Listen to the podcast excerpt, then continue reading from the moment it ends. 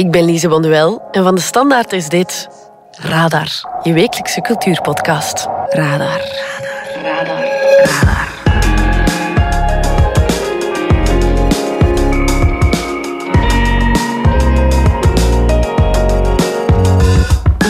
Meeting over. Fuck off.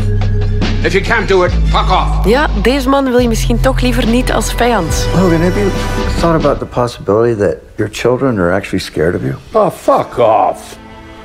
After what they've done to me, fuck off. Ik heb het over Logan Roy, de mediamagnaat die centraal staat in Succession, de HBO-reeks die ondertussen al aan het derde seizoen zit. Three years ago, you were still in the nut house. Rehab.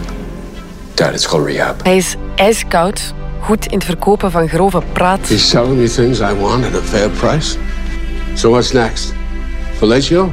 Ongelooflijk machtsgeil, Sometimes it is a big dick competition. maar hij speelt wel de pannen van het dak. Love telling people what to think, don't you? Fuck off. People come to us because we don't sell them on anything. No packet of fucking bleeding heart, United Nations, Volvo, gender bender horseshit. Hans Kotijn is chef opinie bij de Standaard en superfan. En hij legt uit waarom Succession de Sopranos van onze tijd is. What are you waiting for? A kiss? Fuck off. Be gone. Bye bye. En dan van een steenrijke Amerikaan naar een getormenteerde Noor. We gaan het hebben over de kunstenaar van dit schilderij. De Schreeuw. Een man waarvan ik altijd dacht dat hij zijn naam uitsprak als Edvard Munch. Waarvan we misschien allemaal dachten dat hij zijn naam zo uitsprak. Maar onze kunstredacteur Geert van der Speten die trok naar Oslo Ja, ik dacht dat ik naar het eh, museum van Edvard Munch stapte. en kwam er daarachter Maar eh, bij aankomst eh, had iedereen het over Munch. dat niks minder waar is. Edvard Munch, zo moeten we het uitspreken. Swat, in Oslo hebben ze nu een volledig nieuw museum geopend, gewijd aan Monk. Geert van der Speten ging kijken en was onder de indruk. Dat is allemaal voor straks. Welkom bij Radar. Radar.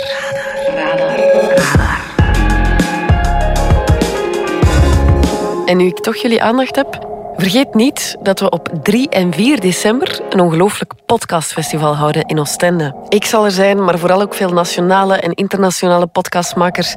Ik kijk zelf ongelooflijk hard uit naar Brian Reed, die komt op zaterdag.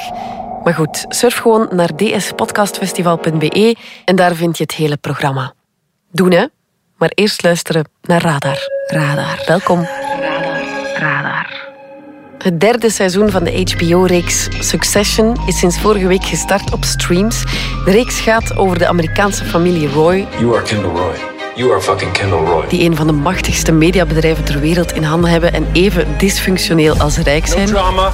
We're good. I'm gonna fucking kill him! He's our dad, but he was gonna send me to jail. He'd do the same to all of us. Sugar, you okay? Are you part of this family or not? If I back you against Dad, would need to let me take over. Ask yourself, do you want to be on the side of good or evil? Hans Kotijn, chef opinie bij de Standaard en een ongelooflijke liefhebber van fictiereeksen. Jij vindt de serie fantastisch en dat is eigenlijk nog een understatement. Je vindt het een van de beste tv-series van het moment. Zijn de Roy's de Sopranos van de jaren 2020? Je kunt dat denk ik wel wat vergelijken. eh. Misschien eh, dezelfde intensiteit, hetzelfde psychologische geweld ook als de Sopranos. En eh, ja, dezelfde eh, dysfunctionele familie. Hè. Dat, Ja. dat, dat zie je ook wel eh, in, in elk aspect van de reeks terugkomen. Ze zijn psychologisch nogal dysfunctioneel. I think the issue here, sir, is that everyone fucking hates you. It's cloudy. It's sunny. And I'm reading this over my morning cappuccino. It says your family is a horror show and it's destroying America. hmm. This is a family business, but the family is fucked and it's hurting the stock. Ze zijn familiaal erg eh, dysfunctioneel. Ze zijn seksueel dysfunctioneel. What I think he meant to say was that he wished that mom gave birth to a can opener because at least then it would be useful. De personages hangen van eigen waan en eigen dunk eh, aan elkaar. I'm not saying I would make a better CEO. That's unsaid. It's not unsaid when you say it. Ze zijn natuurlijk erg rijk, eh, dus dat eh, speelt zeker mee. Tegelijkertijd hunkeren ze naar liefde, smachten ze naar erkenning door een vader. I am surrounded by snakes and fucking morons! En ja, al die dingen maakt het eh, ook wel heel erg menselijk. Het zijn ook wel menselijke personages, ook al sta je er als kijker heel erg eh, ver vandaan natuurlijk. Want ze leven in een wereld die, eh, om het eh, heel eenvoudig te zeggen, niet meteen de onze is. het is niet meteen een, een wereld waar je zelf in zou willen vertoeven, denk ik. Mhm. En wat vind jij er zo goed aan? Maar ja, het is een, eh, een, een zedenschets echt. En het is een, eh, een zwarte komedie. Het zit vol Shakespeareaanse wendingen. Het is, het is ook wel in dat familiale herkenbaar. Want eh, ja, we hebben allemaal wel een familie. En ja, we ergeren ons ook wel eens aan onze zussen of broers of eh, neven. En ehm, ja, die, die eh, vader-kind-relatie, ja, dat zet alles op spanning. En dat is waarschijnlijk voor een groot deel van de kijkers ook wel herkenbaar. Ja, bovendien is het zo grappig. Het is eh, zwarte humor. hè. Ja. My father has always been my greatest champion and my hero. Congratulations on 50 years at the top of the biz. I love you, Dad. That was perfect. Een van de fijnere personages eh, wordt gespeeld door Kieran McCulkin. You want to try one more? If it was perfect, why would I want one more? Eh, en dat is ja, de zoon die, die het allemaal van op afstand bekijkt en, en commentaar geeft, maar heel scherpe, boertige commentaar. Why don't we just do one more where maybe you really like sell how, how you're feeling? Yeah, okay, let's do it. All right, take four. What up, pricklicks? It's me, Dr. Moron. I'm a ding-dong doodle-bug dipshit. My dad hates all of you. How was that? Was that good? Ja, het is zowel de nar van het gezelschap. Eh, je zou heel de, heel de familie kunnen zien als eh, het Hof van Versailles, waar je dan eh, de zonnekoning hebt en, en de troonpretendent en de, en de boze stiefmoeder en de maîtresses natuurlijk. Ja, en, en, en allerlei hovelingen die, die eh, aan het konkelvoezen zijn. En dan de nar, en dat is, die, dat is, dat is een van die zonen die... eh, ja, ook vol drang naar macht zit, maar tegelijkertijd ook wel naar. mm, Ja, enfin, dat is een van die seksueel dysfunctionele personages dan. Ja, tragicomisch tot en met. En, en ik zal er niet te veel van verklappen. Maar, maar ja, je, hebt er medelijden mee en je hebt er ook wel een beetje schadenfreude mee. Ze moesten maar niet zo rijk zijn. Hè? Zoiets. Ehm, ik denk dat een van de makers het is omschreven heeft als eh, Dallas, eh, de, de oude reeks uit de jaren tachtig. Ja. Dallas meets Vesten, de, de Deense film eh, waar op een familiefeest een kind de vader beschuldigt van seksueel misbruik. Ja. udnyttede os. Seksuelt havde sex med sin kære små. Ja, bovendien, wat ik er nog zo goed aan vind, is dat iedereen de pannen van het dak speelt. Eh, er wordt geweldig in geacteerd. Om te beginnen door, door Brian Cox, de Schotse acteur die de patriarch speelt, de vader, de, de mediamagnaat. It's my fucking company. You are a fucking nobody. Wordt overal gezegd de rol van zijn leven en dat is het ook wel, denk ik. You know what? Sometimes it is a big dick competition. Speelt met zoveel plezier, de rotzak. I'm gonna grind these fucking bones to make my bread. He says he's going to grind your bones to make his bread. Ja, er moet toch ook wel iets van, van hemzelf in zitten, denk je dan. Ja, ja, ja. No, I have nothing in common. It's a complete creation. Ja, in ons voorgesprek zei je ook, het is een reeks over mensen die geen jas dragen. Leg dat eens uit. Ja, eh, dat is precies dat inkijkje in, in een wereld die wij niet kennen. Een wereld van extreme rijkdom. eh, waar je dus personages hebt die zich bewegen van de privéjet eh, naar de limousine. En het stukje op het tarmac dat ze dan nog die enkele meters moeten afleggen, wordt er dan meteen een paraplu in de lucht gestoken. Dus waarom zou je nog een jas dragen? Ja. Dus ja, het zit in veel aspecten ook. Hè. Ehm, je ziet nergens chauffeurs in dienst of, of piloten van de privéhelikopter of, of de, de kok in het uh, landhuis. Die zie je niet, die zijn letterlijk onzichtbaar. Ja. En dat is ook voor de personages zo. Voor uh, de hoofdrolspelers, die hebben geen kijk op, op wat de wereld doet draaien. Zo. Die, le die leven in een bubbel, die zijn echt met hun eigen bezonjes bezig. Die zijn bezig met de kuiperijen waarin dat ze zich bevinden. En, en die streven maar naar één ding, namelijk macht. Hè, of die positie als nieuwe eigenaar van het bedrijf. Hè. Ja. Ja. ja, de reeks is ook geïnspireerd op de Australische mediamagnaat Rupert Murdoch, oprichter van het moederbedrijf van onder meer Fox News en uh, de Britse tabloid The Sun. Vind je dat dat er dik op ligt of blijft het toch eerder subtiel? Nee, dat is eerder subtiel. Uh, Jesse Armstrong, de maker van de reeks, of de showrunner, die is aan de reeks begonnen op basis van een toneelstuk dat hij ooit over Rupert Murdoch heeft gemaakt. Ik denk tien jaar geleden. Good morning. I'm Rupert Murdoch, and I'm pleased to welcome you to the launch of The Daily, a national news publication for the iPad that we have created from scratch. Ja, um, het is er losjes op gebaseerd. Hè. Je hoeft de levensloop van Murdoch niet te kennen om aan deze reeks plezier te beleven.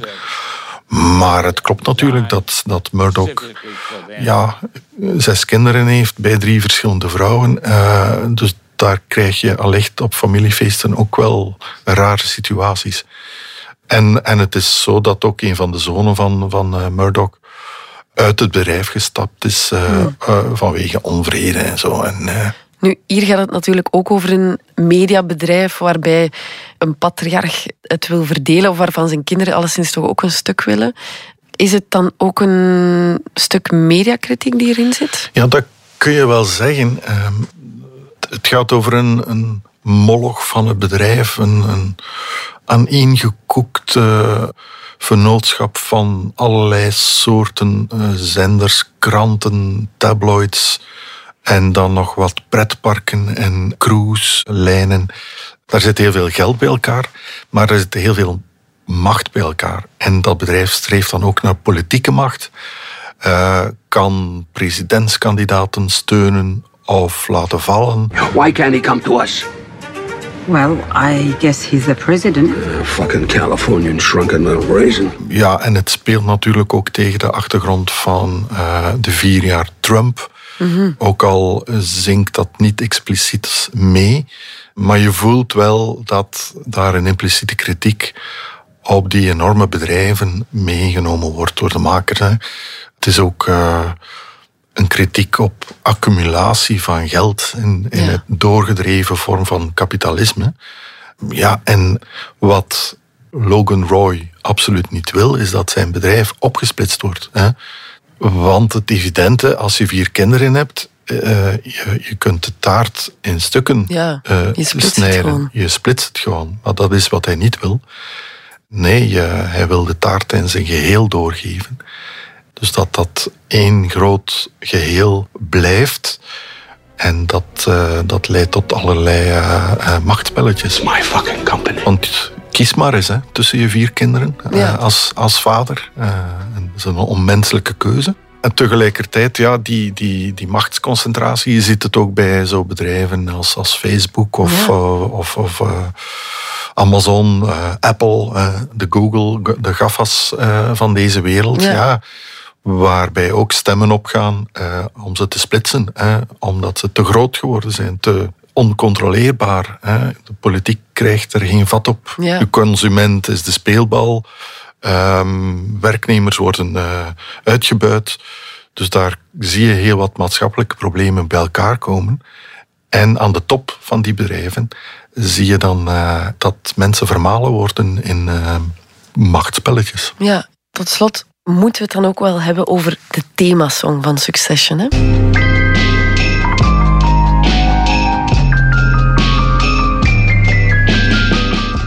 Ja, ik vind dat een heel vrolijk deuntje. Het is een pianoriedeltje. Je zou het als een deuntje van een circuspianist kunnen zien. Maar in de ring van het circus zitten leeuwen en die zitten niet in een kooi.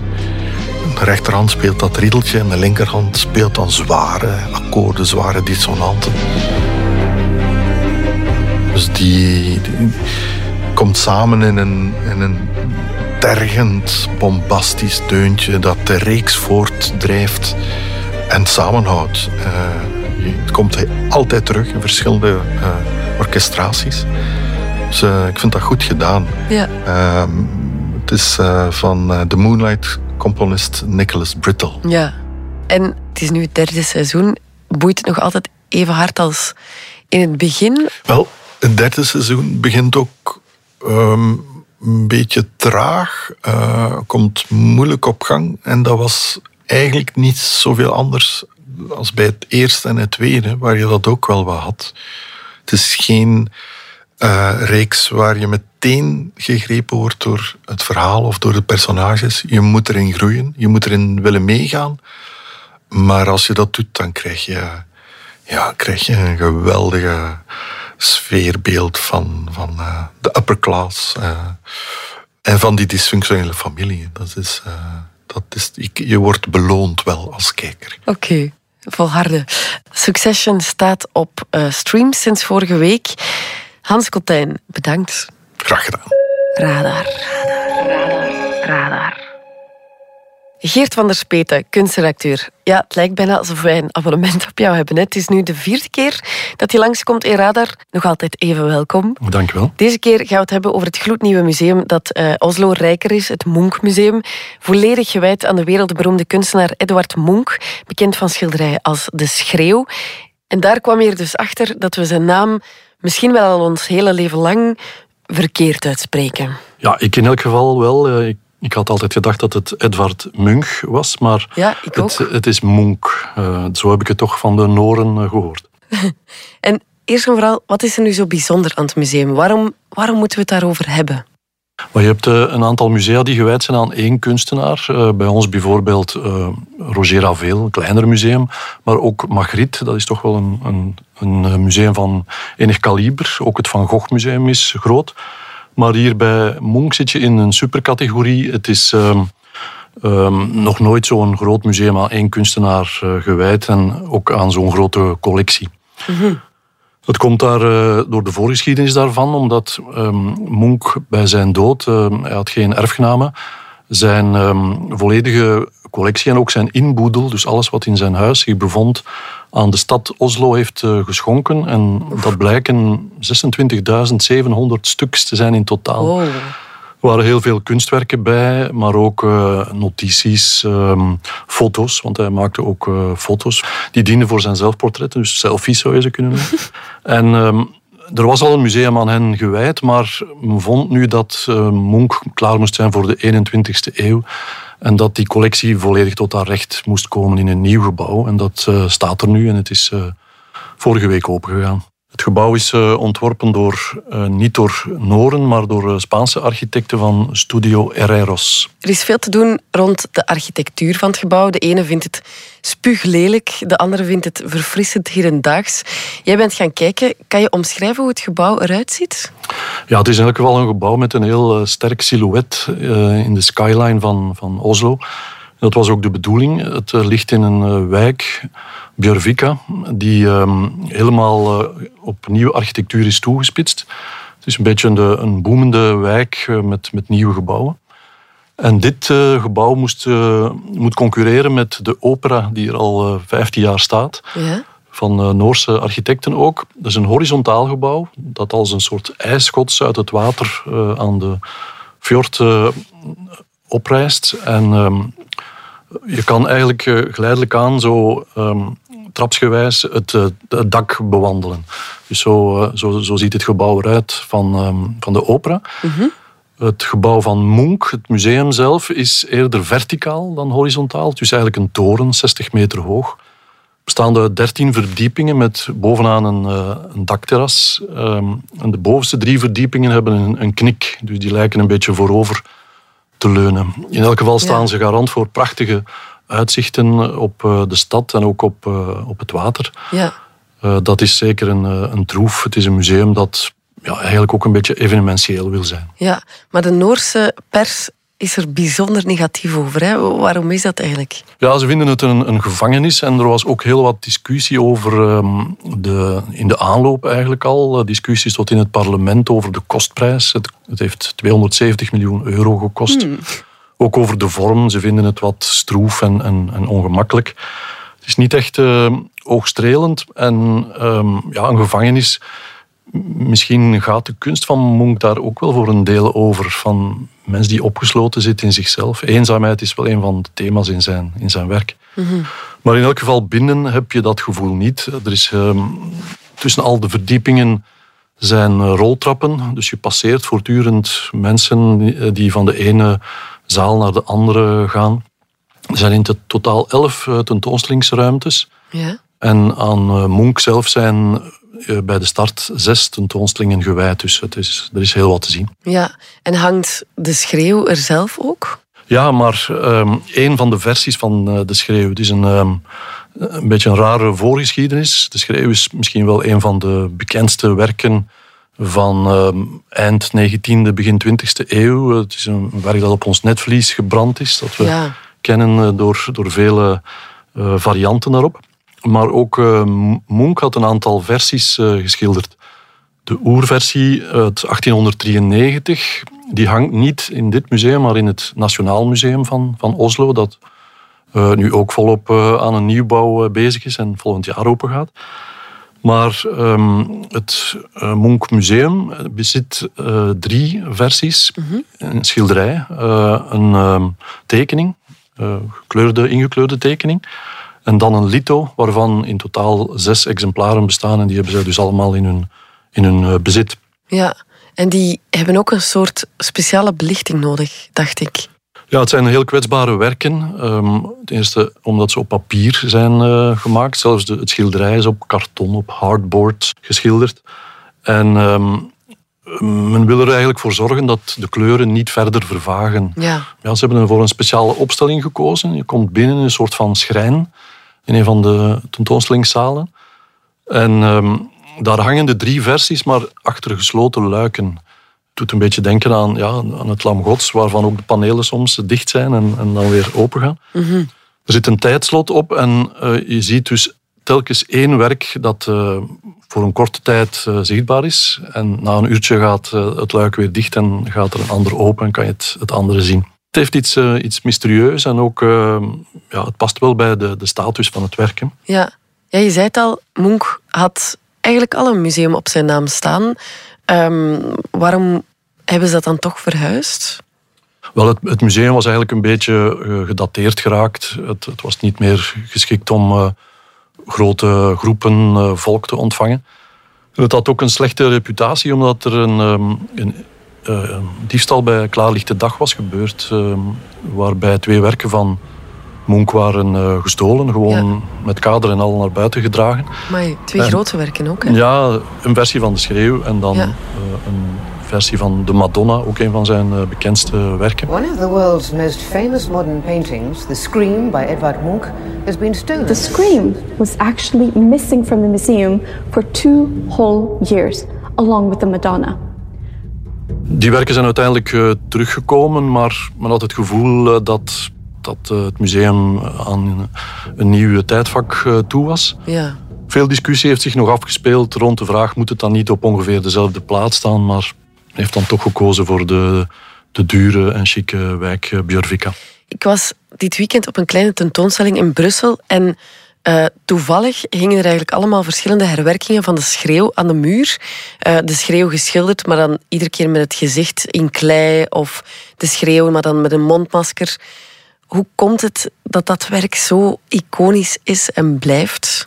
Ja, ik denk dat het ehm, symbool is geworden voor de existentiële angst, die, eh, die oerkreet. ehm.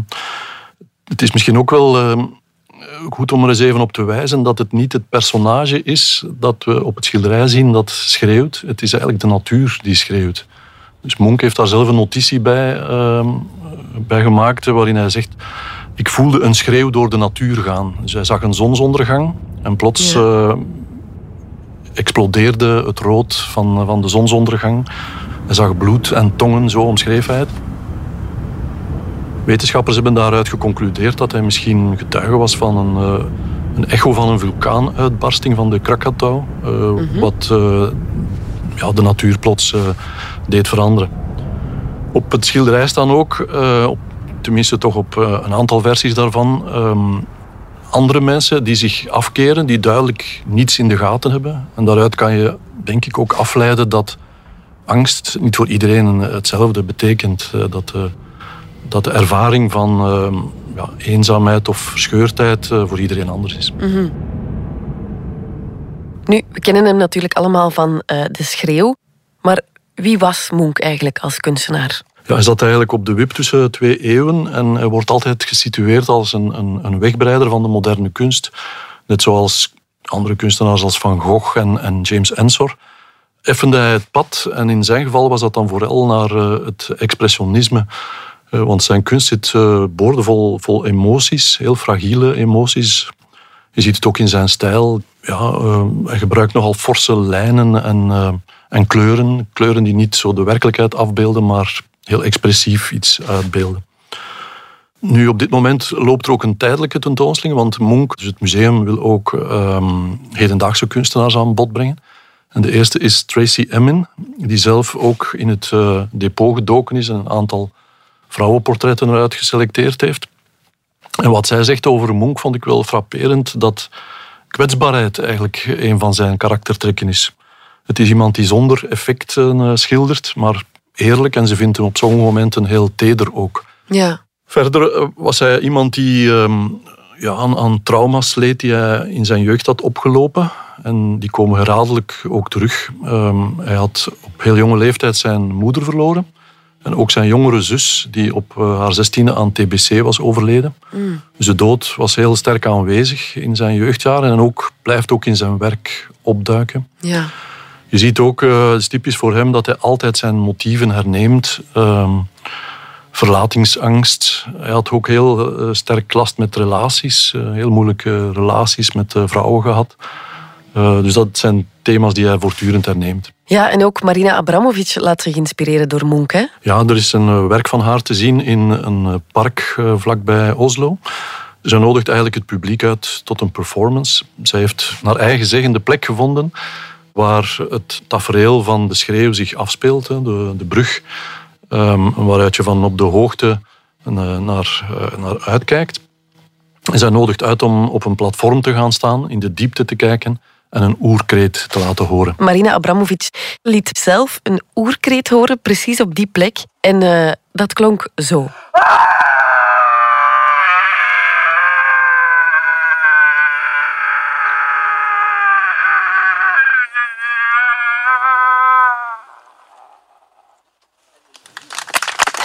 ja. Wat vind je zelf van zijn kunstwerken? Ja, ik was toch wel weer gefrappeerd om eens een, een heel overzicht uh, te zien. En daaruit blijkt hoe gevarieerd het, uh, het is en hoe, uh, hoe sterk aangrijpend zijn werken zijn. Er zit ook wel een, een um, ja, sommigen zeggen een, een, zekere humor in. Um, daar ben ik vruchteloos naar op zoek gegaan, eerlijk gezegd. ik vind het meestal nogal prangend wat hij doet.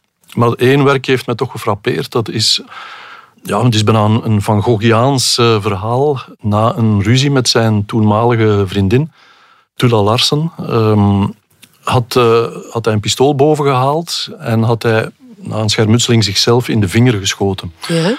Daarvoor moest hij dan naar het ziekenhuis en hij maakt daar achteraf een schilderij van waarin hij poedelnaakt op een operatiebed ligt, overal bloed, terwijl uiteindelijk alleen maar een kogel uit zijn vinger moest verwijderd worden. Mm -hmm. Dus hij speelde een beetje toch uh, drama queen uh, daar in dat, uh, in dat schilderij.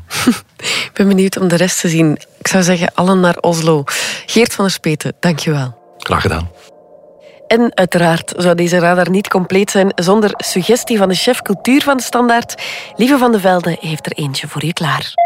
De suggestie van de chef. Ken je dat gevoel dat je zo s'avonds na een lange werkdag denkt van ik ga naar de cinema, ik heb eigenlijk wel zin in iets en ik weet eigenlijk nog niet hoe wat. En uh, je stapt een film binnen en je komt daar buiten met het gevoel van oh, dat was nu echt eens een leuke film. Daar heb ik echt van genoten. Echt super tof. Wel, dat overkwam mij met Illusion perdue. Een Franse film is dat van Xavier Giannoli. J'aimerais beaucoup vous présenter quelqu'un. Il nous vient d'Angoulême. Lucien de Rubempré, pour vous servir. Een kostuumfilm situeert zich eind 19e eeuw en is gebaseerd op een verhaal van uh, Honoré de Balzac, Les Illusions perdues, een deel van La Comédie Humaine. En de film begint zoals je eigenlijk niet wil dat een film begint, uh, met een vertelstem. Het saaiste wat je kan denken. Maar uh, al snel voel je van, ah, dit is toch wel een leuk verhaal. Het gaat over uh, Lucien, een schrijver. Pour lui, la poésie est une chose sacrée. Uh, Lucien de Rubempré. Une sorte de religion intime. Een schrijver die in het Franse Angoulême woont, een dichter eigenlijk. Maar hij droomt van een carrière als schrijver. In hetzelfde Angoulême heeft hij een relatie met de adellijke schone van het dorp, van het stadje eigenlijk. En samen trekken ze naar Parijs. Quelle folie de partir ensemble. Paris om daar uh, ja, samen het leven te ontdekken en zo. Nu, bon, dus jij valt daar heel snel door de mand als een boerenkinkel, uh, wordt daar beschimpt en bespot door de Parijse high society van die tijd. Komt na veel vijven en zessen in zijn berooide zolderkamer terecht, zonder geld, zonder toekomst, alleen met een vel papier. Via via arriveert hij op de redactie van een krant. Je besoin de travailler, monsieur. Je respecte énormément le métier de journaliste. En uh, dan begint eigenlijk het leuke deel van de film, want dan zie je de visie van de filmmaker en van de schrijver op journalistiek en op uh, het sociale leven en het culturele leven in die tijd.